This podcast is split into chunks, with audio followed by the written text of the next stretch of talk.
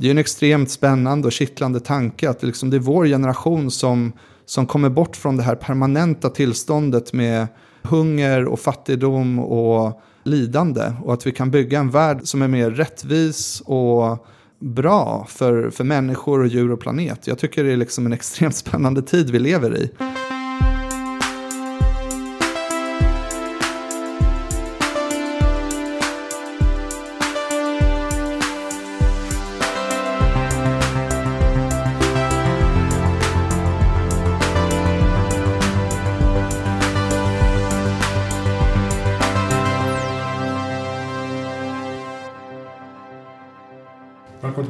Framtiden. Jag heter Christian von Essen. Idag sänder vi från Norrsken, Norrsken House på Birger i Stockholm. Sitter här med Daniel Skavén Ruben. Välkommen till podden. Du har seglat upp liksom som den nya foodtech-mannen här. Eh, senaste åren. På min radar i alla fall. Det, det är ju lätt att segla upp kanske när eh, ankdammen inte är så stor. Ja, just det. Precis.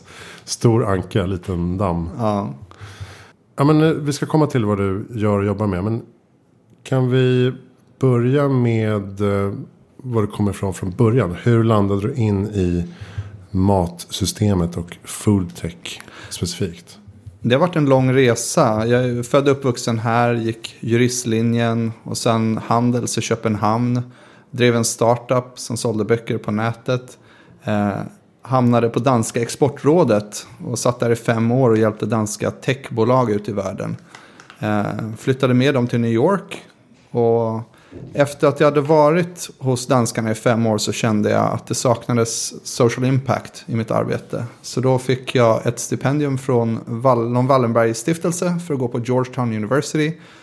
Läsa en master i internationella relationer och fokusera på hur vi kan använda tech och innovation för att göra världen bättre. Och särskilt fokus på mat och jordbruk. Eh, jag hade fantastiska professorer. Och en av mina professorer där var en man som heter Rajiv Shah, Raj. Som tidigare varit chef för USAID och innan dess varit Bill Gates högerhand i 8-9 år på Gates Foundation. Eh, men som nu undervisade på Georgetown och även hade ett eh, advisorybolag vid sidan av som hjälpte startups som Impossible Foods. Så han rekryterade mig och eh, vi hjälpte olika startupbolag. När Hillary hade torskat valet och det var klart att han inte skulle gå in i en ny administration så kom Rockefeller Foundation och frågade om han var intresserad av att bli deras nya president. Eh, han tog det jobbet och så följde jag med in där. Eh, och nu har jag arbetat för dem i fyra år som konsult eh, för deras food team. Och utöver det då så har jag fortsatt att jobba med foodtech i olika former. Jag är mentor i ett par acceleratorer runt om i världen. Jag är rådgivare till ett par VC-bolag i Finland, Norge och England som håller på med foodtech. Eh, jag stöttar ett tiotal startups i Europa, USA och Afrika som håller på med foodtech och agtech. Och eh, driver ett nyhetsbrev som heter Foodtech Weekly. Eh, så att jag har två hattar. Det är Rockefeller-hatten som handlar om matsystem och sen är det startup-hatten som handlar om att hjälpa små startups ut i världen. Hur kan arbetet för eh, Rockefeller se ut i praktiken? Då? Det är en filantropisk stiftelse vars mål över, över hundra år har varit att förbättra mänsklighetens välmående, improve the well-being of humanity. Eh, väldigt evidens och forskningsdriven. Eh, har haft fantastiskt stor impact när det gäller att bygga upp folkhälsosystem, utveckla vaccin, Eh, deras största legacy är kanske den gröna revolutionen. Norman Borlaug var en eh, anställd, en staff scientist där i flera decennier. Och eh, problemet på den tiden var ju att eh, vi hade väldigt mycket hunger i världen. Så att man optimerade matsystemet stenhårt för att leverera billiga kalorier. Och det lyckades ju. Vi pressade ner undernäringen i världen från 50% vid andra världskrigets slut till kanske 10% idag. Eh, så den kampen vanns. Och det, gröna revolutionen har ju fört med sig andra problem. Men det ändå, har ändå varit en stor framgång kan man säga. För målet var att utrota hungern. Och dit är vi på väg. Rockefeller idag arbetar fortsatt med att stötta forskning, stötta fonder och startups, stötta koalitioner, non-profits och så vidare inom fyra områden. Jobb, hälsa, mat och energi. Och eh, jag sitter då med matdelen som har mycket fokus på USA och Afrika. Och det handlar om att stötta olika initiativ som kan göra matsystemet mer hållbart och mer näringsrikt. Och det har man ju möjlighet att göra eftersom man har ett stiftelsekapital på 5 miljarder dollar som ger en viss avkastning.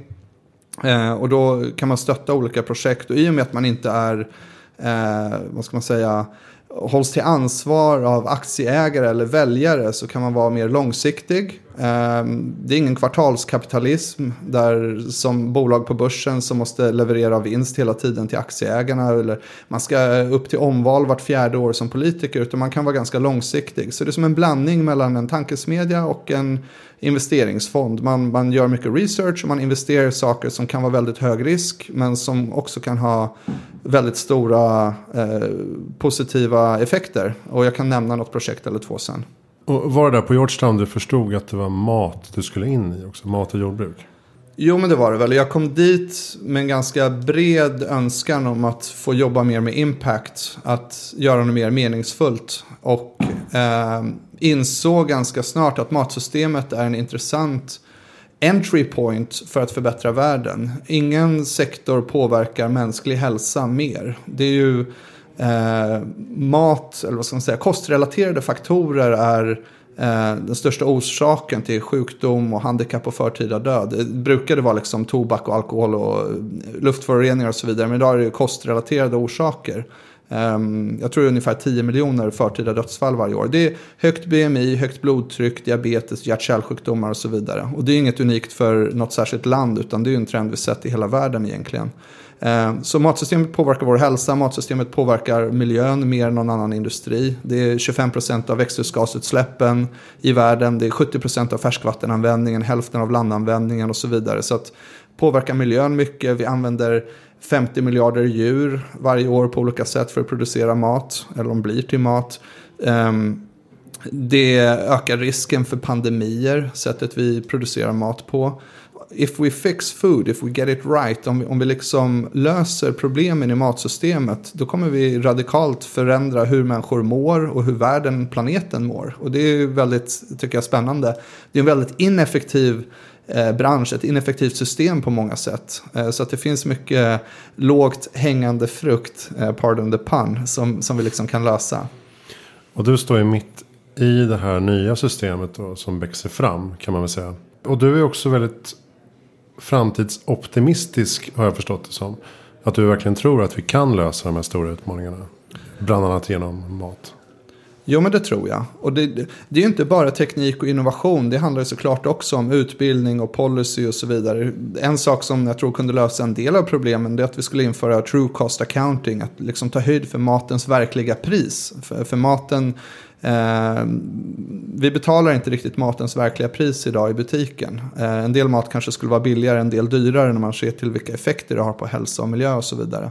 Men, så det är inte bara teknik, men det är såklart teknik och innovation kan göra extremt mycket för att eh, förändra och förbättra det sätt vi producerar, distribuerar, konsumerar och, och gör oss av med mat. Ehm, och jag tror att det finns eh, en stor optimism ändå att många av de här problemen jag nämnt, de, de kan vi lösa, de är lösbara. Eh, bland annat med hjälp av teknik och innovation. Det är inte hela lösningen, men det är en del av lösningen. Mm. Och många av de här foodtechbolagen är ju ganska småskaliga. Det finns liksom tusentals i hela världen. Eh, och vi har ju pratat tidigare om så här scale-up-fas. Alltså hur får man det här att växa? Och där är ju en liksom växelverkan mellan eh, tillgång på råvara och marknad och politik och så vidare. Vad ser du som liksom viktigaste vägen framåt? Det är väl olika för olika produkter och tjänster och affärsmodeller. Det är väl alltid en kombination av att när det gäller konsumenter så måste man liksom möta konsumentens förväntningar när det gäller pris, smak, eh, enkelhet, convenience, alltså bekvämlighet. Det finns eh, lagstiftningsmässiga orsaker varför vissa produkter finns och inte finns i vissa delar av världen. Det handlar ju också om tekniska barriärer, att vi måste göra mer forskning för att förstå vissa saker bättre. En sak som eh, Rockefeller har etablerat och sponsrat är ett projekt som heter Eh, Periodic Table of Foods Initiative. Eh, man kan jämföra det lite med Human Genome Project. Alltså för 20 år sedan så mappade vi den mänskliga DNA-sekvensen för första gången. Kostade över 2 miljarder dollar. Eh, idag kan man göra det själv för några hundra dollar. Men vi har inte gjort samma sak när det gäller mat. Vi vet att det finns 25 000 biokemikalier i mat och, vi trackar eller följer bara en procent av de här. Så att det finns en, liksom, ett stort svart hål, en nutritional dark matter. Vi vet inte om en broccoli som har 1500 biokemikalier eh, som är odlade i Sverige är nyttigare än en broccoli från Italien. Och vad händer när vi transporterar dem och lagrar dem och tillagar dem, processar dem på olika sätt? Hur påverkas näringsinnehållet? Ingen vet. Och det, det är en sån här sak som liksom, eh, det måste vi forska fram och eh, få evidens omkring. Och när vi har det så, så kan vi också liksom ta bättre beslut. Massa barriärer står i vägen, men jag känner också att det liksom det investeras väldigt mycket nu för att lösa många av de här problemen jag nämnt i, i matsystemet. Uh, så att um, jag tror de här barriärerna går att överkomma. Mm. Det är ganska exakt nu tre år sedan jag uh, träffade Johan Jörgensen. Uh, som driver Sweden Food Tech. En branschorganisation kan man nästan säga. För att främja det, det ekosystemet. Eh, och ni är ju bekanta förstås. Mm. Har en del eh, saker för er på Clubhouse. Two bearded guys talking about food tech eller något sånt där. Ja. Eh, det kan man kolla in. Men han menade då att matdata kommer att bli liksom den nya Google-revolutionen nästan. Alltså att vi får, som du säger, ökad insikt i vad, vad maten innehåller. Vi får spårbarhet, ursprung och så vidare. Mm. Är det någon som jobbar brett på det sättet skulle jag säga? Massor. Ja. Alltså det sker ju massor inom till exempel transparens och spårbarhet i matsystemet. Konsumenterna vill veta var maten kommer ifrån, hur den har producerats och var och hur den har transporterats och, och så vidare. Det har aldrig varit ett större glapp tror jag mellan att, hur lite konsumenter vet om var maten kommer ifrån men hur mycket vi vill veta egentligen. Och det tror jag att liksom data eh, och tech kan vara med och lösa. Sen kan man ju säga också att data behöver ju inte vara Eh, IT utan det kan också vara en fördjupad förståelse för till exempel vår tarmflora eller hur vi kan personalisera kosten. För vi vet ju på en befolkningsnivå vad vi ska och inte ska äta. Eh, alltså gärna mer frukt, grönt, fullkorn, fisk eller omega-3, eh, frön och nötter och så vidare. Vi ska äta mindre eh, salt, socker, mättade fetter, transfetter, processat kött enligt evidensen. Um, men vi vet ju inte egentligen vad som är rätt för precis dig och mig i den här fasen av livet baserat på vårt DNA och hur mycket vi rör på oss och sover och, och så vidare. Och det, vi kommer ju komma till en punkt där vi bättre kan skräddarsy kosten. Och det kanske man kan koppla lite till Johans tankar om bättre data. Att vi kan um, förstå oss själva och, och, och, därför också förstå hur vi ska äta för att må bra. Uh, för att mat är mycket mer än bara liksom energi. Det är och det är såklart mycket mer än näring också. Mat är liksom gemenskap, det är historia, tradition, det är hur vi connectar som människor. Eh, och, och liksom berättar var vi kommer ifrån och var vi är och vart vi är på väg. Så mat är ju oerhört viktigt. Eh, och mycket mer än bara data. Men en, större förståelse för hur maten påverkar oss och att vi är vad vi äter. Och att vi är vad maten äter kan man säga. Det tror jag kommer göra jättemycket. Vi vet ganska lite idag, vi kommer veta mer om, inom 5-10 år. Kan inte du berätta lite om de bolag som du är inne i och eh, hjälper och stöttar och investerar och så här. Det var en del spännande i din lilla portfölj. Absolut, så jag är rådgivare för ett tiotal bolag i Europa, Nordamerika och Afrika. Ehm, det är allt från till exempel Hooked i Sverige som gör växtbaserad tonfisk och fisk. Ehm, no NoQuo Food som gör växtbaserad ost. Eh, Biomilk i USA som odlar riktig bröstmjölk i bioreaktorer. Eh, möjligheterna där är obegränsade. Man kan tänka sig en framtid där ett manligt gaypar vill ge sin egen bröstmjölk till eh, deras barn och då kommer kunna göra det. Ehm, och så vidare. Urban Oasis i Sverige som en vertikalodling inomhus. Um, i Riot som har trådlös kontroll av bevattningssystem. Eh, också svenskt bolag. Rutically i New York som eh, drivs av ett gäng duktiga bosnier som gör eh, vertikalodling för inomhus och hemma, hemmabruk.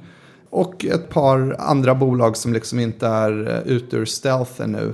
Så att det är bolag som jag tror på olika sätt förhoppningsvis kan göra matsystemet mer hållbart och mer näringsrikt. Eh, vi vet ju inte egentligen för, förrän de har skalat upp. Men det är ju förhoppningen att de kan på olika sätt bidra till att göra eh, matsystemet bättre.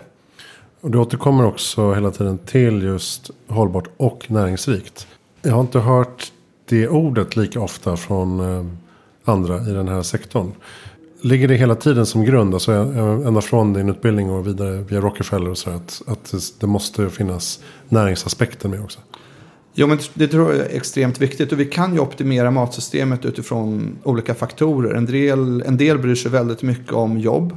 En del bryr sig mycket om eh, gender issues. Eh, en del om miljö, hållbarhet, eh, näringsinnehåll djurvälfärd. Folk har ju olika preferenser, vill optimera matsystemet eh, utifrån olika saker. Resilience och equitability är andra liksom modeord som kommit upp under eh, covid-krisen. För att matsystemet blev disrupted på olika sätt eh, i produktion och konsumtion miljoner människor i, i Afrika, i USA och andra länder har fått försämrad tillgång till mat. Så det är jätteviktigt att förstå innan man liksom slänger in alla de här nya teknikerna och innovationerna. Så är det att förstå vad vill vi med matsystemet?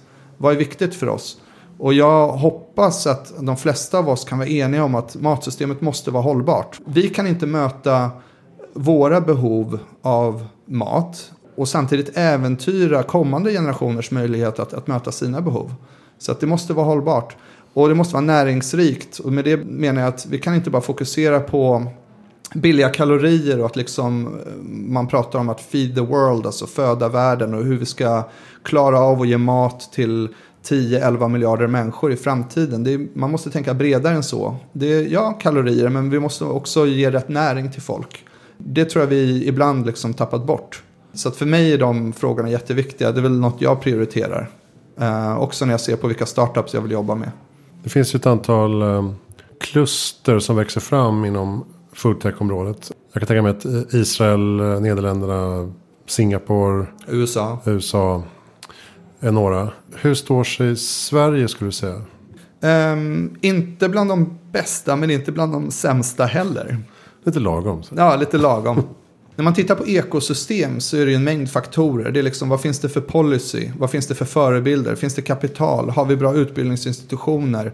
Eh, har vi inkubatorer, acceleratorer, advokater, revisorer som kan liksom hjälpa de här startupen när de har, tar sina första stapplande steg? Finns det kunder som är villiga att pröva det här?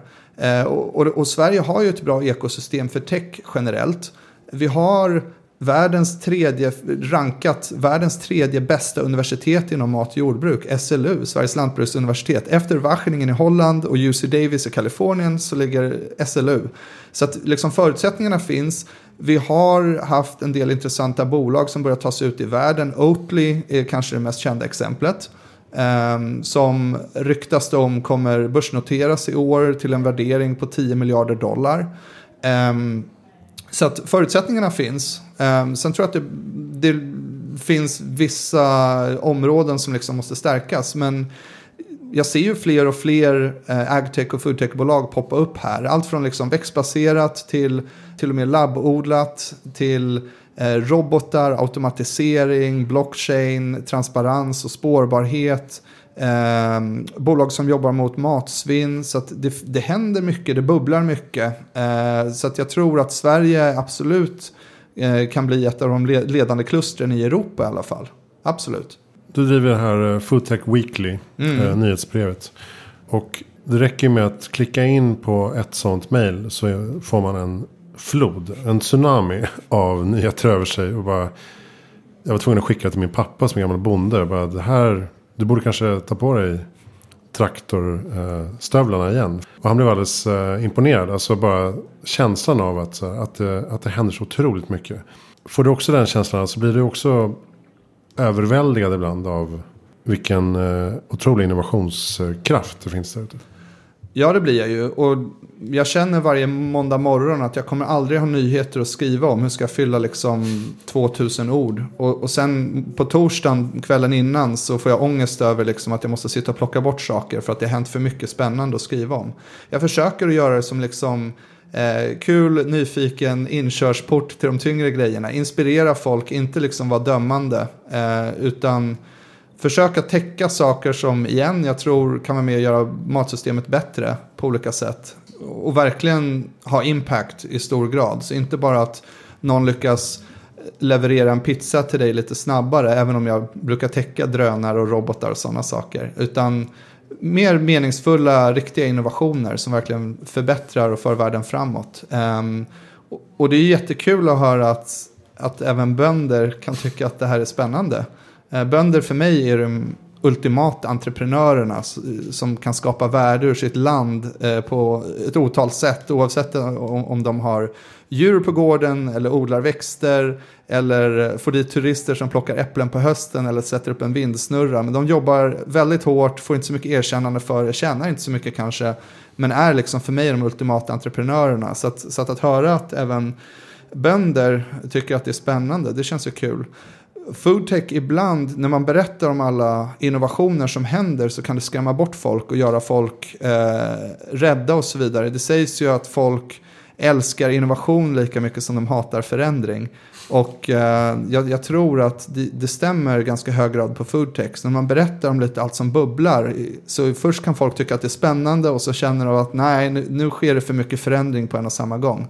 Är det verkligen så här vi ska producera och ska vi äta den här typen av maten i framtiden och varför då? Det har vi inte bett om. Så att det är, jag försöker med mitt nyhetsbrev att liksom förmedla vad som händer ändå. Eh, så att folk kan själva skapa sig en bild och vi kan ha en dialog om liksom vad vi vill ha, vad vi tycker är bra.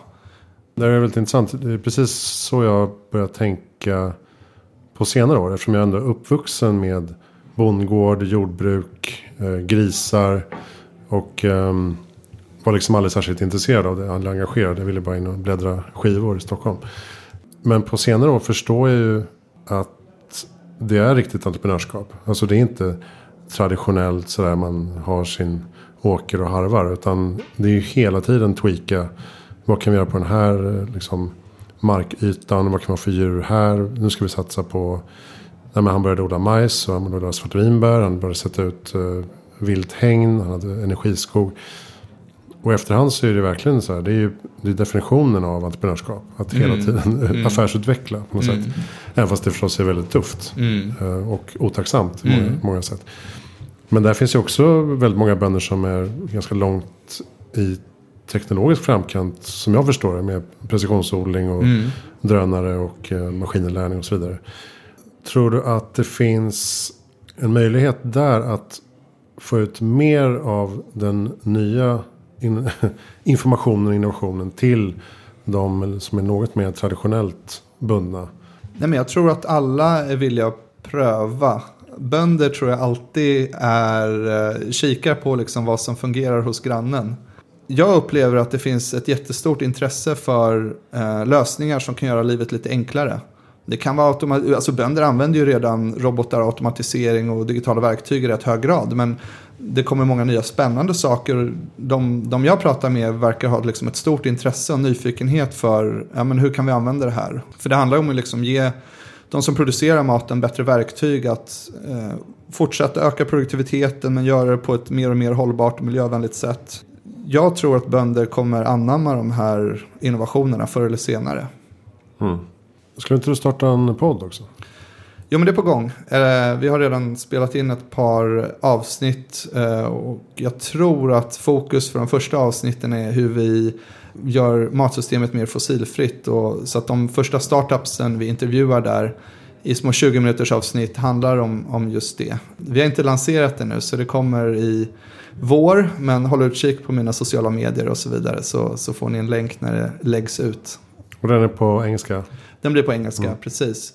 Det är ju en, en global Eh, ett globalt ekosystem av innovatörer. Så att det ger ju inte mening tycker jag att bara titta inåt i Sverige. Utan man får titta globalt vilka som gör de mest spännande sakerna.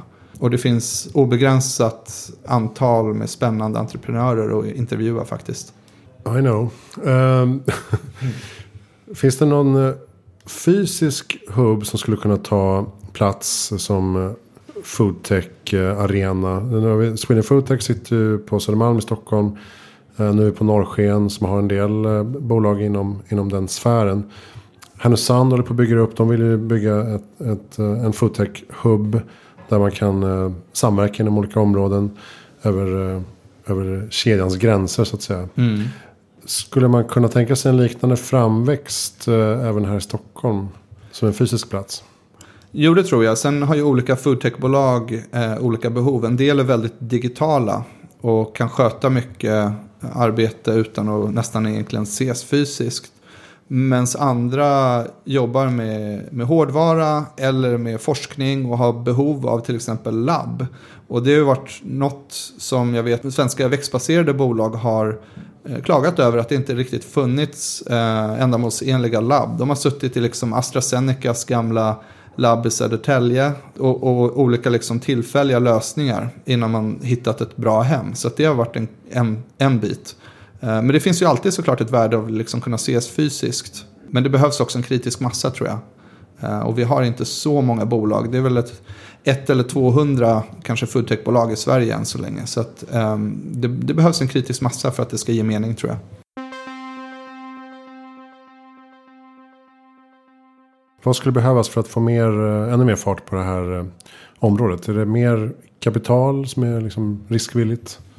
Jag vet inte. Det, jag tror att eh, bättre matchmaking mellan kapital och entreprenörer behövs alltid. Eh, en slags Tinder. Eh, så att om någon här ute lyssnar så får ni gärna bygga en slags Tinder mellan entreprenörer och investerare. Där man kan säga om det här är den profil jag har och det här är den profil jag letar efter. Och liksom så får man swipe right or left.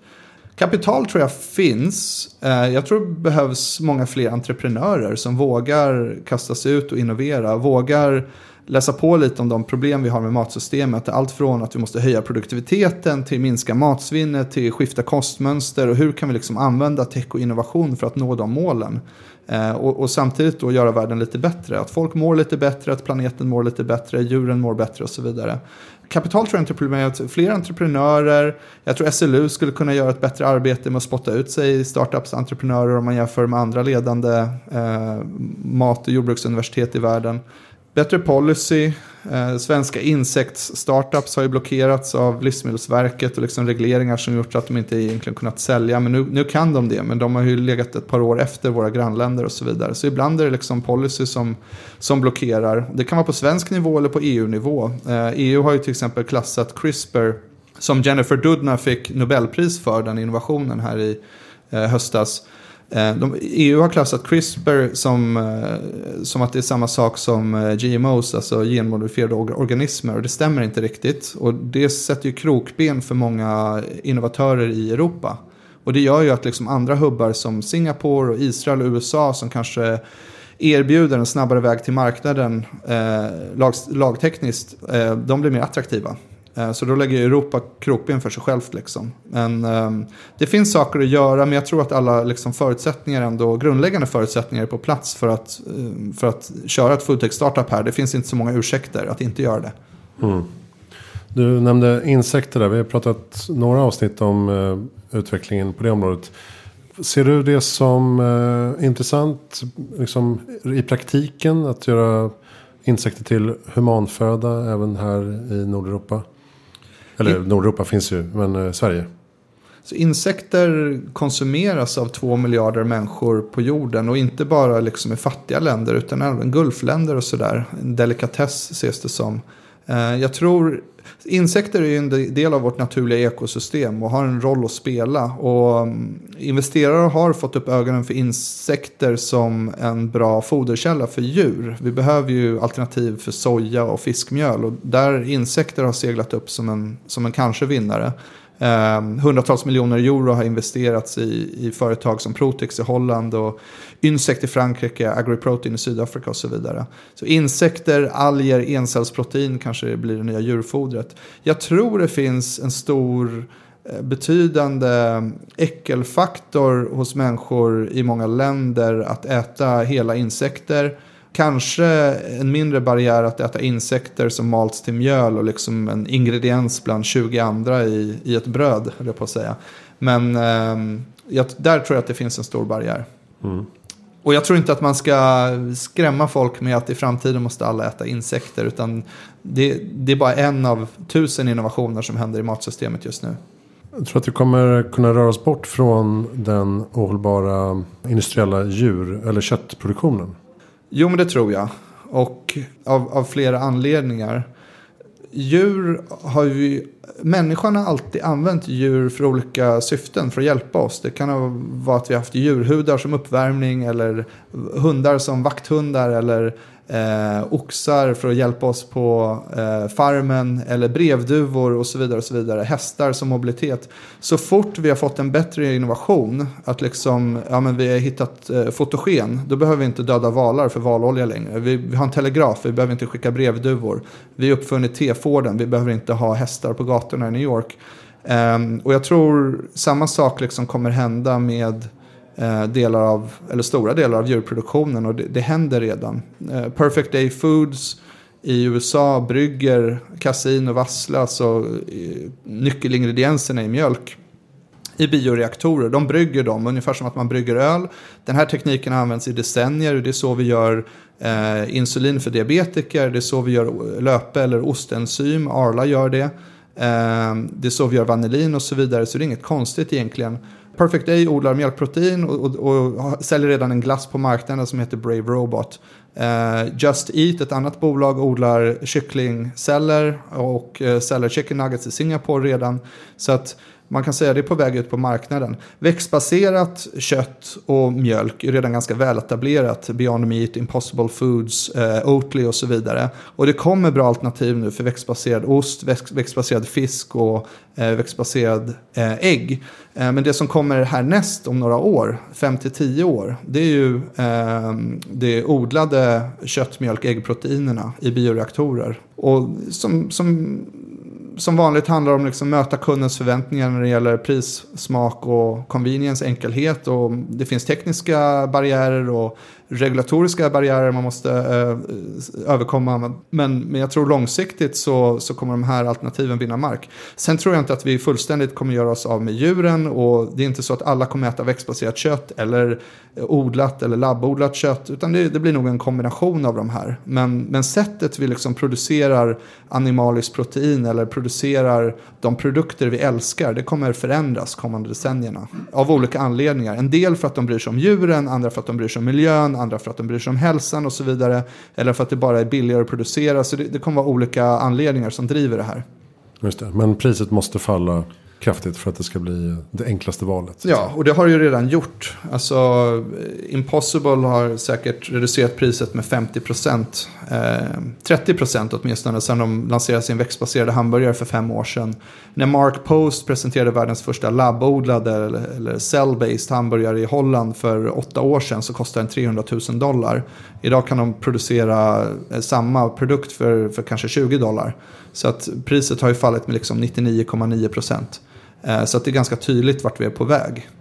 Kommer man komma bort från eh, behovet att ha eh, djurserum i det labbodlade? Ja, det måste man ju för att det är ju ohållbart. Fetal Bovine Serum, FBS, är då blod som man tar från ofödda kalvar. Ehm, så det är inget veganer vill äta. Det är även väldigt dyrt. Det är, det är en produkt som egentligen är anpassad för medicinsk industri. Eh, redan har flera startups sagt att de har kommit bort från FBS, de använder helt växtbaserade alternativ. Så att det, det, av olika anledningar så är inte framtiden där. Av ekonomiska, av etiska anledningar. Så det, det, det, det problemet tror jag löses. Mm. Vad är ditt bästa tips för att göra världen bättre i framtiden? Mm. Det är att våga vara nyfiken, och prata med varandra om vad man tycker problemen i världen är och sen försöka hitta lösningar som folk accepterar. Eh, eller tolererar i alla fall. Eh, för att komma framåt. Jag är, ju, jag är ju en stark optimist. Om man tittar tillbaka så har mänskligheten funnits i ett par hundratusen år och det, det, är först nu i vår generation som vi har möjlighet att utrota hungern, utrota extrem fattigdom, utrota sjukdomar, gå över till ren energi. Vi på något sätt blir masters of our own destiny, kanske börjar utforska andra planeter. Och, och det är det är en extremt spännande och kittlande tanke att det, liksom, det är vår generation som, som kommer bort från det här permanenta tillståndet med, eh, med hunger och fattigdom och eh, lidande. Och att vi kan bygga en värld som, som, är, som är mer rättvis och bra för, för människor och djur och planet. Jag tycker det är liksom en extremt spännande tid vi lever i. Så att jag tror att man ska vara nyfiken och liksom öppen för nya innovationer och idéer och, eh, och, och försöka se framtiden an med tillförsikt. Eh, för att vi har en massa problem, men de är lösbara. Och våga testa alla nya spännande matprodukter som kommer ut på marknaden. Så Ja, de, en del i alla fall. de säljs. eh, har ni bra podd eller boktips på området? Oj, det finns massor. Eh, Wizards and Prophets är en känd bok om vad ska man säga, optimister och pessimister Mm, inom ehm, hur vi kan producera mat. Ehm, vill man följa den nordiska foodtech-scenen så finns ju Nordic Foodtech Podcast som är, eh, som är värd att lyssna på. Um, Arman Anaturks eh, The Secret Sauce eh, är också jättebra. Bok- Där du har varit med. Eh, Du har varit med där? Nej, du har varit med. Ja, jag har varit med där. Ja, jag talar egen sak här. Ja, precis. Eh, nej, men den är, den är väldigt bra. Han är väldigt insatt. Eh, så att den, eh, om man gillar utveck följa utvecklingen in, inom foodtech så The Secret Sauce från Foodhack med Arman Anaturk, den är väldigt bra. Just det, och Foodhack är någon slags plattform för det Ja, här. det är ett me mediehus, nyhetsbrev, eh, vad ska man säga, fundingplattform för startups. Bra. Vem tycker att jag ska intervjua i Heja Framtiden? Jag tycker ju Michelle Egger som startat och driver Biomilk i USA är extremt inspirerande. Insett att vi har en teknologi som gör att vi kan producera riktig bröstmjölk utanför den kvinnliga kroppen. Och som är mer näringsrik för eh, babys förhoppningsvis än, än vad industrins eh, bröstmjölksersättningar. De vill inte konkurrera med, med vanlig amning. Utan de vill ge ett bättre alternativ till de som behöver ge ersättning av olika anledningar. Och jag är bara extremt fascinerad av det här, vad det här kan möjliggöra i, i rika länder och även i, i, i fattigare länder.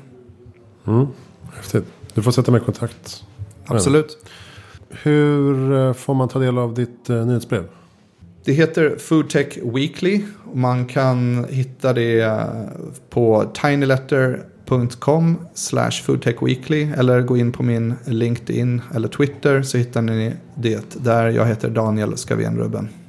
Tack snälla Daniel Skavenruben för att jag fick komma hit till eh, Norrsken House i eh, Stockholm och eh, prata om detta. Tusen tack Christian. Fantastiskt.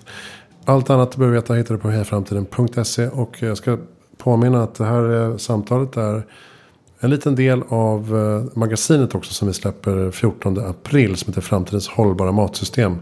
Som distribueras i Dagens Industri och i samarbete med livsmedelsföretagen. Så där blir det mycket mer snack om de här frågorna. Eh, jag heter Christian von Essen. Tack snälla för att du lyssnar. Ha en fin vecka.